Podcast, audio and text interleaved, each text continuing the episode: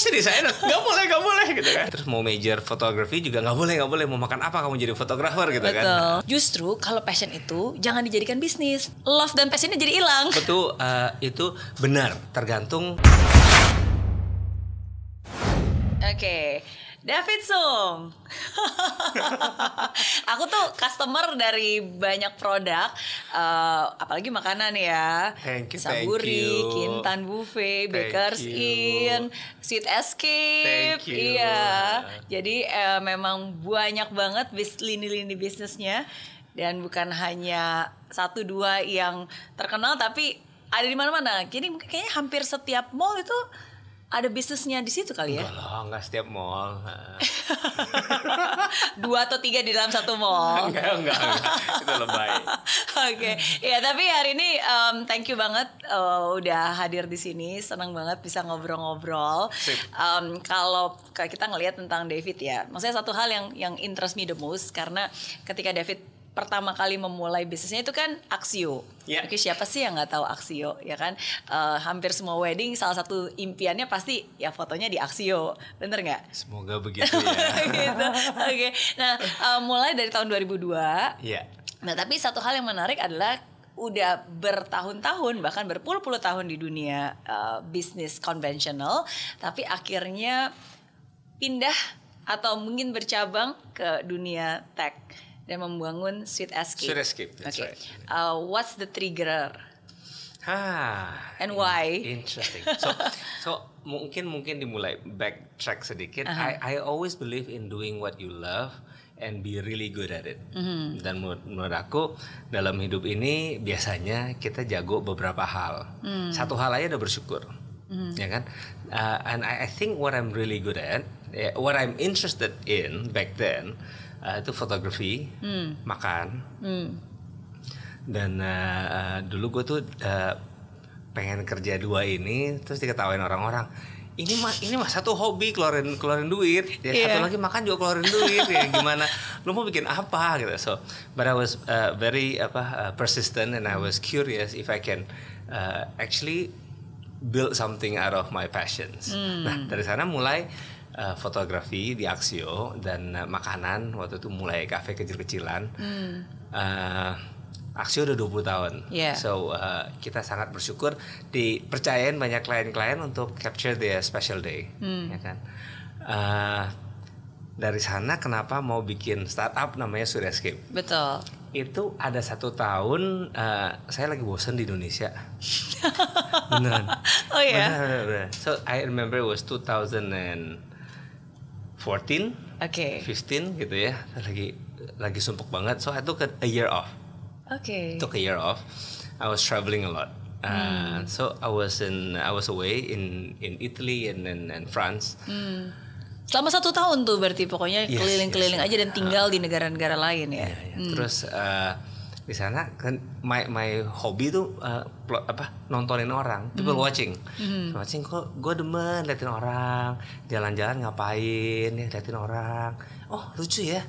Uh, uh, they people would actually ask random strangers untuk Hmm. motretin mereka gitu. Di landmark atau tempat-tempat mereka karena mereka belum, belum pernah ke sana misalnya gitu. Kan.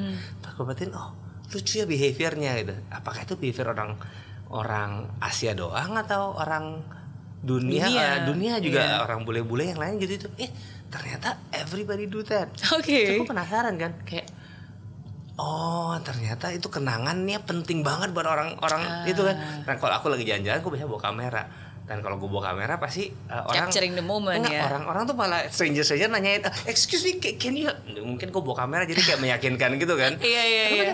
hah what if Eh, dari sana idenya dari dari people watching terus Hmm. what if what if uh, we create a, a- a platform yang Oke. memudahkan orang untuk punya apa memory yang cakep-cakep wherever they go Hmm. wherever they go uh, tapi profesional uh, fotografer harus profesional harus friendly gitu Hmm. kan harus harus bisa ngarahin gaya harus make the whole thing fun Iya.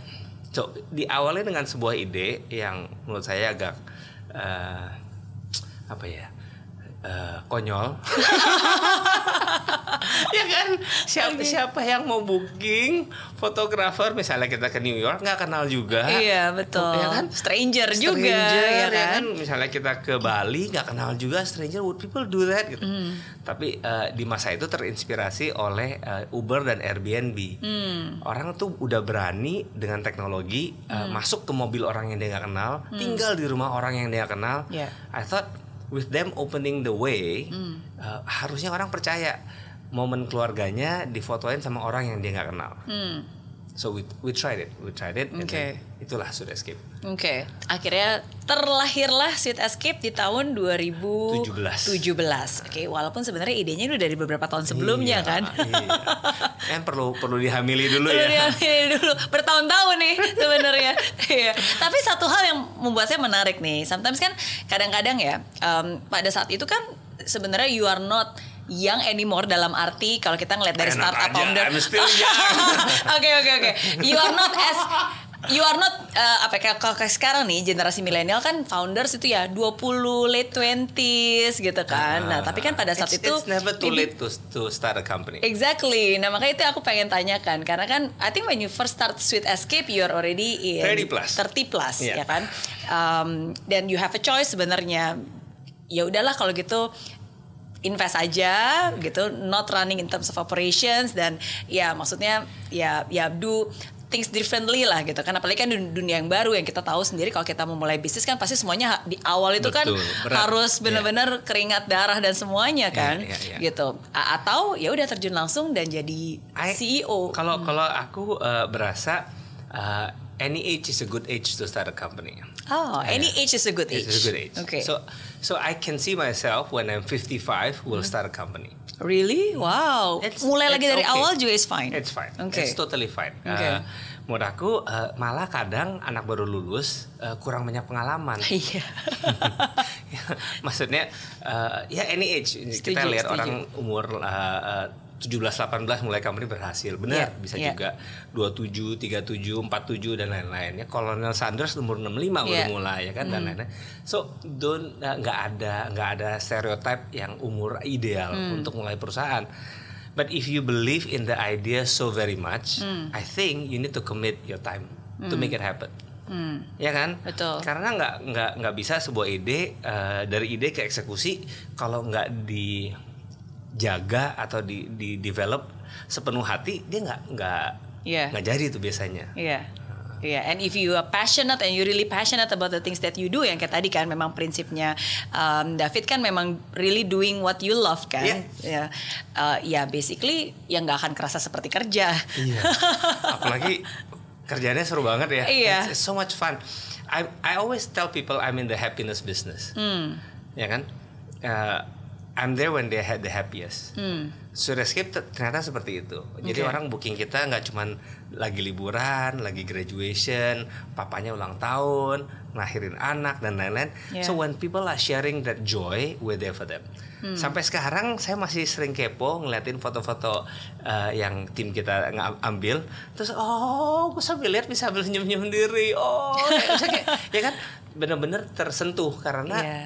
we're there at that that Precious moment, dan kan? creating memories yang yang ya berharga lah buat mereka. gitu. Hmm, iya.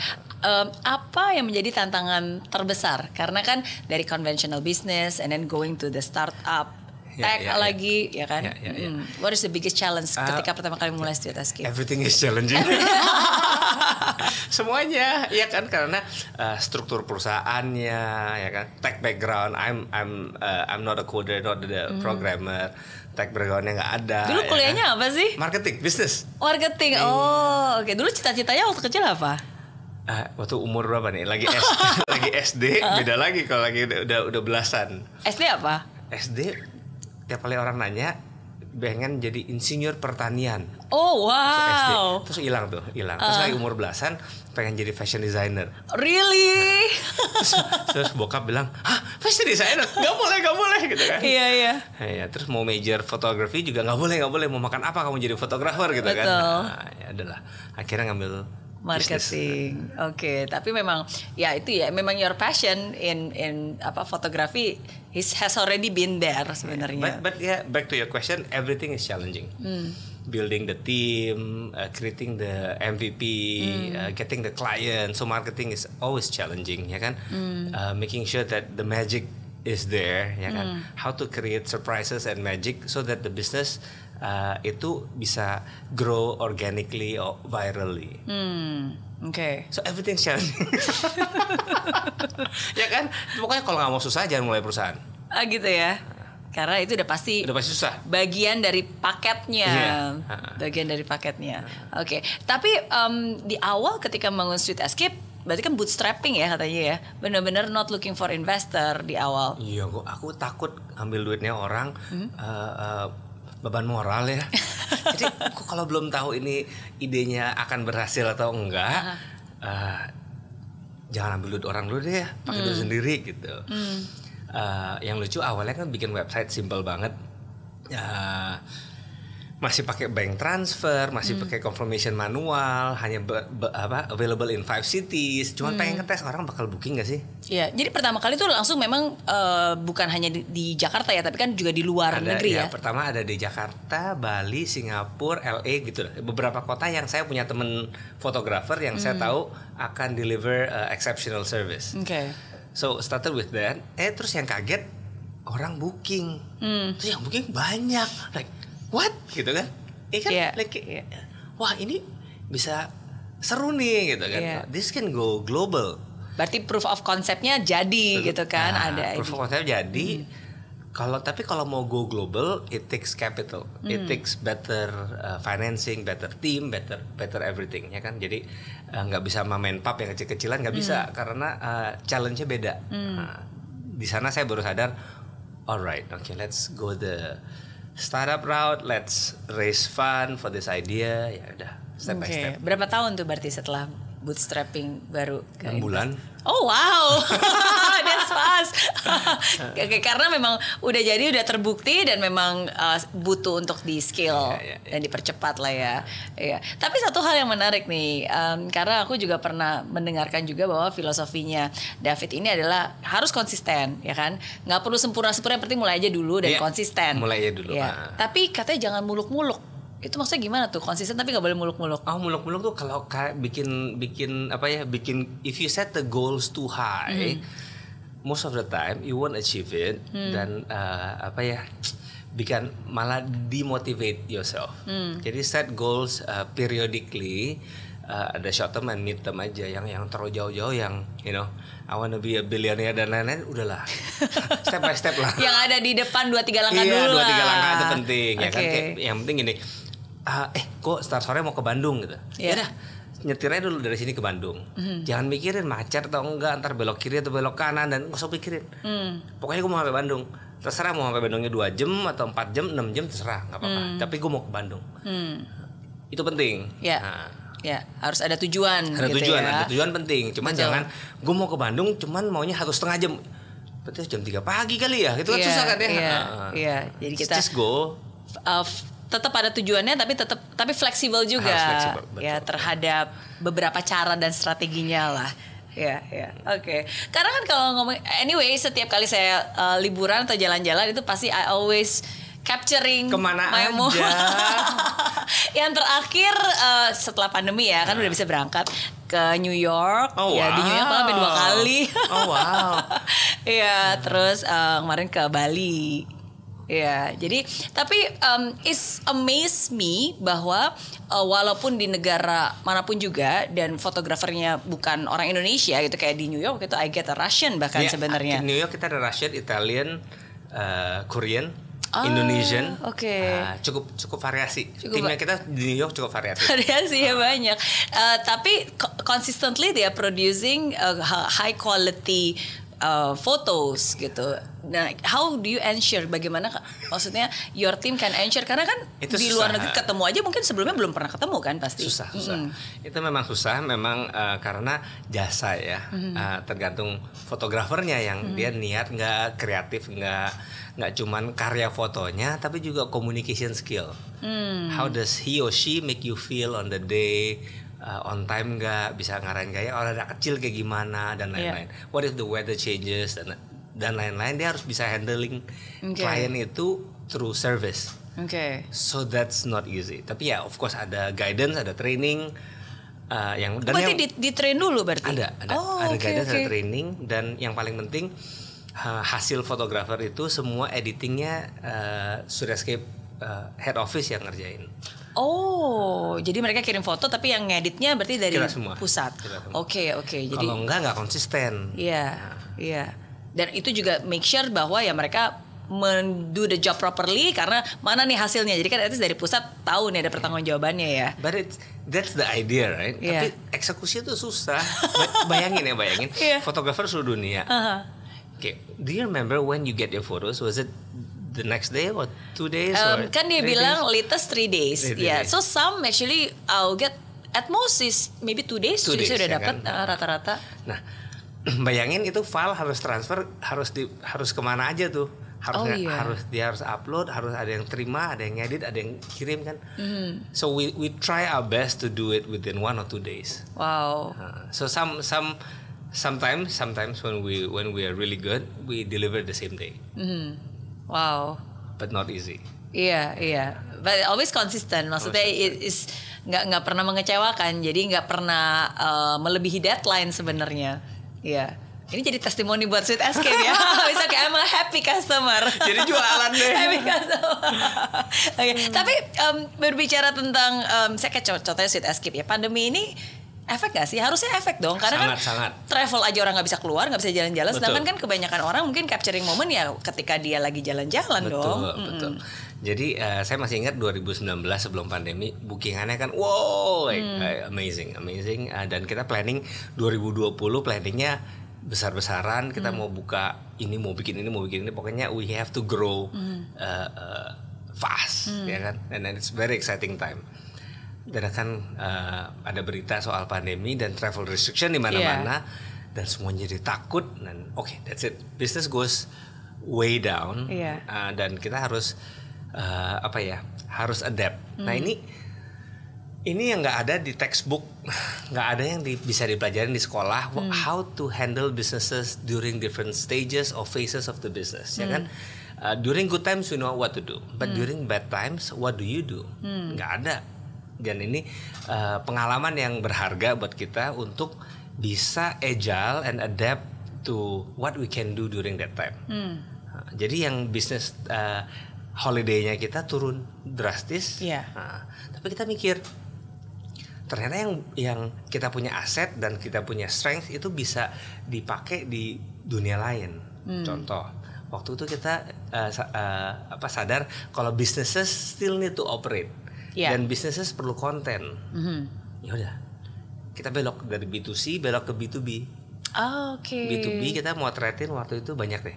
Dari 8000 Grab merchant yang jualan makanan, Oke. GrabFood. Betul betul. Rata-rata- Karena kan semuanya mereka juga go online kan. karena semua foto yang yang kita lihat sekarang tuh hasil dari tim Suryascape. Wow. Oke. Terus ada yang uh, company yang jualan uh, ribuan furniture atau obat-obatan Iya. atau uh, staf rumah sakit uh, dan lain-lain. Uh, Hmm. Ada perusahaan multinasional, Nestle, Tencent dan segala. Jadi kita shoot di 15 negara creating content for big companies. Oke. Kayak Dan- gitu-gitu. Bahkan sebenarnya di luar negeri juga ya maksudnya. Di luar negeri juga tetap. Oke.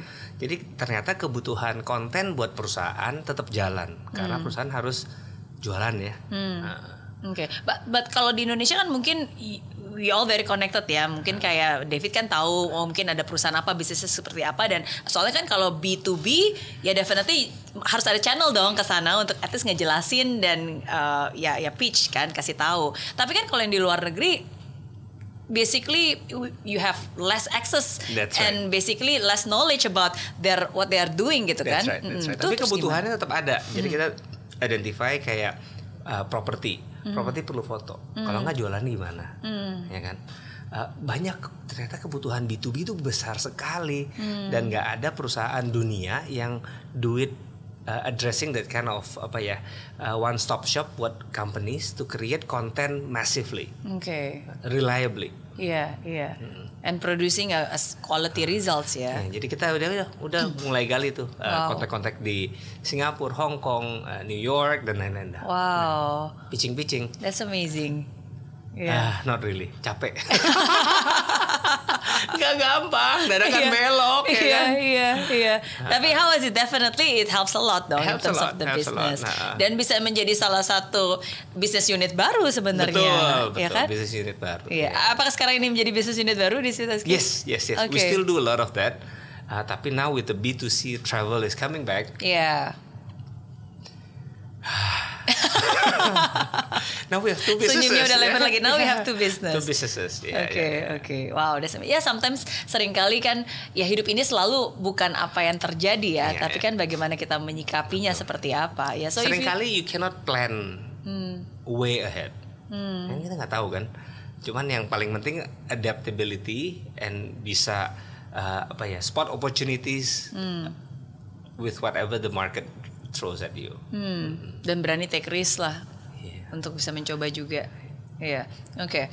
Em, saya tertarik ketika David bilang bahwa eh, dari passion akhirnya udah kenapa nggak dibisnisin aja gitu kan. Akhirnya sekarang there you go. Tapi ada juga another school of thoughts yang bilang justru kalau passion itu jangan dijadikan bisnis. Nanti kalau udah masuk ke bisnis, nanti love dan passionnya jadi hilang. Betul, betul. Apakah itu terjadi? Benar. Itu uh, itu benar. Oh ya. Uh, tergantung siapa yang percaya. Jadi uh, there is at least three five school of thought yang beda-beda. It is what you believe that creates your life. Hmm. Jadi menurut saya yang ngomong itu benar. Itu valid buat dia.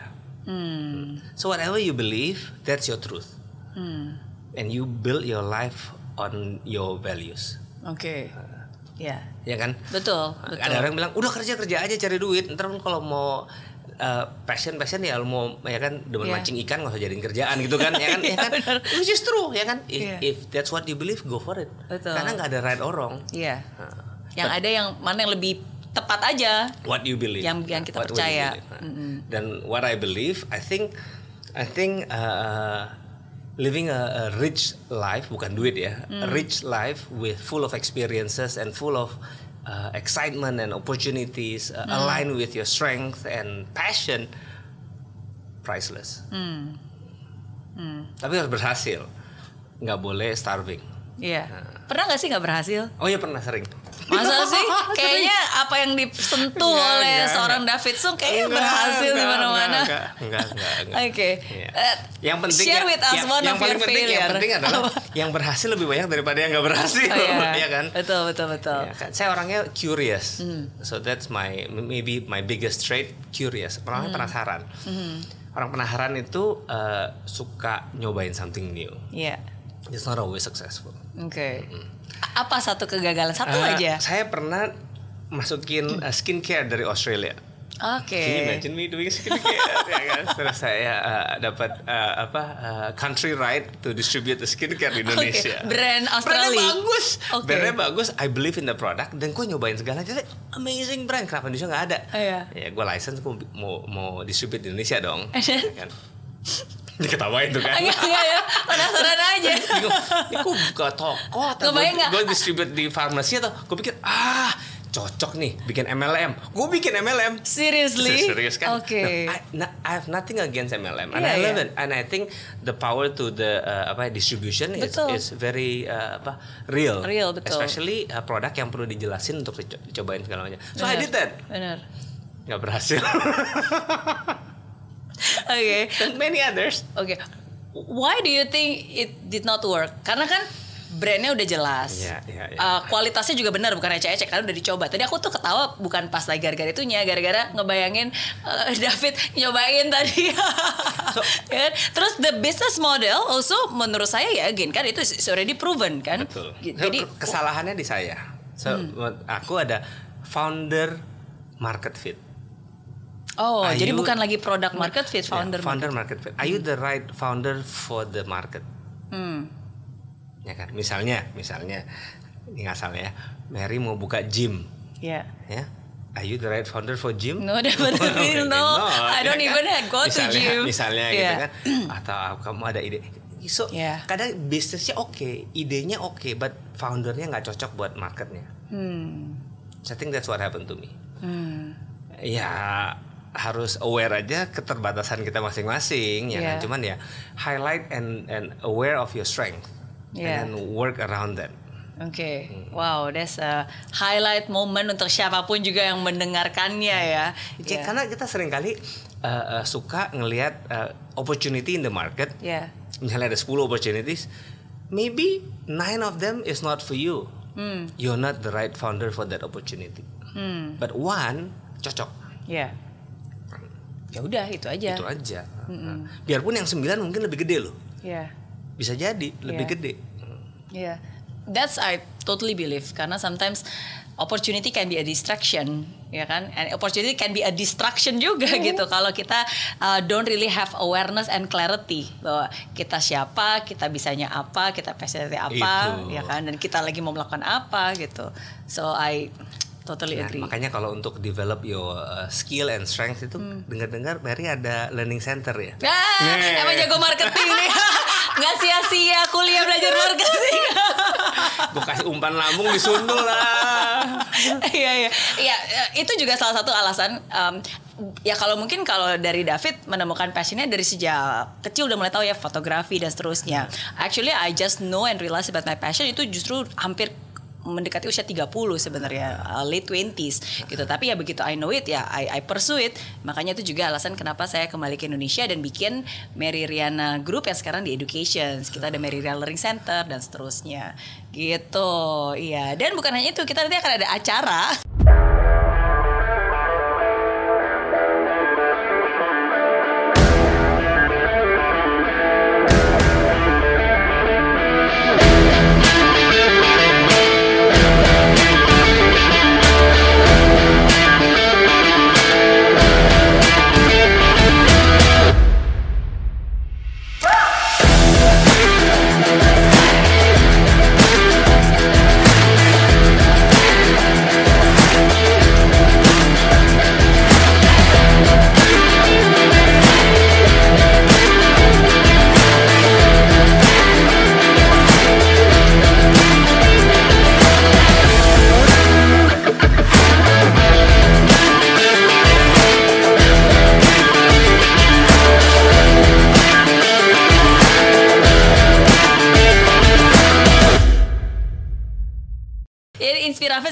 Tahunan di Ah. Mary Riana Group ya di mana uh, setiap tahun tuh kita temanya berbeda-beda. Jadi kalau tahun lalu itu kita temanya um, content creator, creator ekonomi. Jadi Iya, kita iya. mengundang banyak konten-konten uh, creator dari seluruh Indonesia uh, yang berbagi. Nah, jadi tema tahun ini adalah uh, million dollar, make your first million dollar company. First million dollar company. Gitu. Oke, link below ya. Oke, ya tapi nanti we will we'll talk more and share more and thank you so much juga udah um, bersedia untuk men-share um, your success story nanti as an entrepreneur. Sip. Gitu. Ya ini luar biasa loh ini emang marketing apa sarjana marketingnya nggak sia-sia ya. Kepake ya. Kepake. Oke oke. Nah tapi um, balik lagi ke tentang startup ya. Oke, kan kita sendiri tahu mungkin belakangan ini recently banyak banget news tentang wah startup terjun bebas ya kan terus mungkin ada yang uh, bubble burst dan seterusnya how is your view tentang dunia startup Nah, sekarang nggak harus startup, company biasa juga bisa terjun bebas. oke ya kan? Itu a matter of perspective aja, Mm-hmm. how you highlight it, ya kan? We can always highlight the failures and PHK dan company yang go Yeah. bust, right? You can. There's always a bunch of that, but there- there's also companies that are doing well Mm. and and uh, by spotting the right opportunities in the market and actually growing amazingly, ya kan? Mm. Yeah. So it's not the startup as a whole, I think. Uh, it's how you build the business. Di- Memang harus sadar nggak semua fase bisnis harus gigi lima tancap Hmm. gigi- nggak nggak selalu ya kan ada masa-masanya oke lampu merah ya sabar lah Ngerem ya dulu, stop ngerem dulu, dulu lah ya macet ya gigi satu lah ya gitu kan Hmm. nggak semuanya mungkin can grow as fast as you want hmm. And then every company, startup or not, goes through those kind of stages. Hmm. Yang penting tahu which phase harusnya ngapain. Hmm. Isi bensin dulu kah, ya kan? Iya. Istirahat dulu kah? Oke kebut nih, kebut, kebut, kebut, kebut. Nah bisa ya kan? Iya. So you need to know that. Iya. And yes, uh, uh, lagi banyak berita gitu-gitu. ya. Iya, iya. Tapi sebenarnya again tergantung kita mau highlightnya yang seperti apa ya. Iya. Karena sebenarnya di sisi lain ada banyak juga berita yang justru malah bisa 10x atau mungkin lebih dari 10x di waktu-waktu sekarang ini. Iya. Ya, they're recruiting, they're hiring, they're expanding, Iya. gitu. Ya, jadi again balik lagi seperti prinsipnya tapi David, tapi what maybe you believe itu yang it- terjadi. Is it maybe because I'm too optimistic? Ya kan, kan I don't know. Itu I, I see life through the lens of possibilities. Iya, ya. iya. Kan banyak orang beda-beda. Ada yang quite uh, pesimis, Betul, ya, ada yang betul. realis. Ya. Iya. I'm condong ke optimis. Ju- Justru aku juga seperti itu. Saya juga seperti itu. Bahkan kadang-kadang mungkin saya sometimes I was wondering am I too too positive gitu kan? Am I too optimis? Kadang-kadang bilang enggak bisa ah kayaknya bisa. Maksudnya ya udah jalan aja terus gitu kan. Ya, tapi I I realize ya seperti yang kayak tadi David bilang, you are what you believe kan? Ya. Ya maksudnya kalau kamu percaya bahwa I think it will work gitu, then we'll do our best and we'll find a way to make it work That's gitu. right, And then that's right. it's self fulfilling prophecy. Betul. Ya, tapi kan tapi if you don't believe that it will work, ya I think it will fail. Ya you will find all the reasons of why it will fail. the number one person you need to convince is yourself. Yourself. Iya, iya. Ah, luar biasa. Everybody else is noise. Oke. Iya, iya. So, uh, in your own uh, experience, kira-kira apa nih? What makes a business successful and what makes the business fail? Waduh, pertanyaannya berat ya. Aku bukan profesor bisnis. Uh, I think many things. Uh, faktornya banyak. Faktornya tentunya ada timing. ya. Kadang ide bagus, timingnya off. Kadang founder. Ya Yeah. kan? Uh, kadang uh, uh, the partnership nya ribut. ya. Kadang uh, go to market strateginya salah, distributionnya salah, pricingnya salah. Uh, kadang ya tim ma- macam-macam. Jadi Banyak so- faktor ya. banyak faktor ya kan? Ada faktor yang bisa dikontrol ada faktor yang out of your control. Kayak kayak pandemi. Mau kontrolnya gimana ya kan? Yeah. so there are surprises along the way. Tapi I think uh, yang paling penting managing the businessnya itu ternyata the most important. Managing the business through different cycles of the business. Dan harus apa ya? Harus tahu aja uh, bisnis ini mau diapain bisa segede apa perlu siapa aja uh, gitu kan kadang we Yeah. cannot do it all, all ourselves Iya. Mm-mm. Udah pasti. udah pasti Iya, Ya. iya. dan dan measurement suksesnya gimana Hmm. Ah, menurut aku uh, nggak sehat dengan media sekarang measurement suksesnya adalah valuation. Hmm. I'm sorry. Menurut aku ya congratulations buat teman-teman yang valuasinya luar biasa. Congratulations, but Yeah. that's not the only measurement for success. Hmm. I think measurement of suksesnya tiap orang beda-beda. Yeah. Ya, there's a fulfillment in what you do. Yeah. Doesn't make you the most ri- the richest person on the planet. It's okay karena Betul. ada satisfaction yang yang beda gitu kan. Betul. Kalau kita lihat generasi sebelumnya mungkin nggak nggak nggak gimana kan, tapi kayak anaknya bisa keluarganya baik, anaknya Yeah. bisa dan measure how do you define success? Hmm. Itu definisi sukses itu penting. Uh, you need to have your own success definition. Hmm. If you let the world define success definition for you, you're never good enough. Hmm. Pasti deh. That's true. Ya kan ke balapan lari lihat orang lari kencang gitu kan. Iya. You're not that guy, nggak bisa. Just Iya. please run at your own pace, enjoy the run ya kan. Itu itu penting sih. Uh, definition sukses gua kalau lari uh, nggak cedera.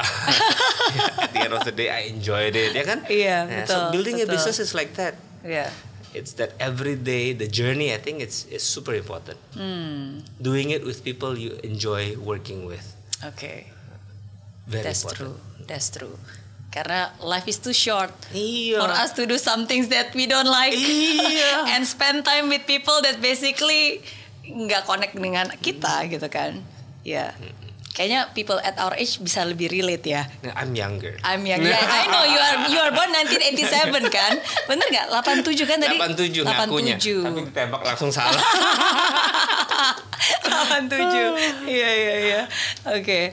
Tapi um, thank you so much for sharing. Yeah, thank you for having me selalu, here. Selalu senang banget kalau um, apa ya mendengar dan me- mendengar cerita dari sudut pandang orang lain karena um, at least for me I know that I'm not alone. At least I know that oh it's normal gitu karena everybody also experiencing it ya kan dan semua orang pun juga mengalami hanya saja mungkin bentuknya berbeda dan uh, ya dan dan apa ya dan uh, di lapangannya berbeda ya tapi every one of us pasti ya melalui tahap-tahap yang Tahapnya sama beda- dalam, iya, iya. dalam tahapnya hidup. berbeda-beda. Jadi aku selalu ingetin diri sendiri, be a friend. Hmm. Jangan so tahu, ya don't judge, don't measure up, don't you know, just be a friend. Karena tiap tiap kali interaksi sama orang-orang kita nggak tahu kebutuhan dia, ya kan, dan what Iya. they're going through gitu. Iya, iya.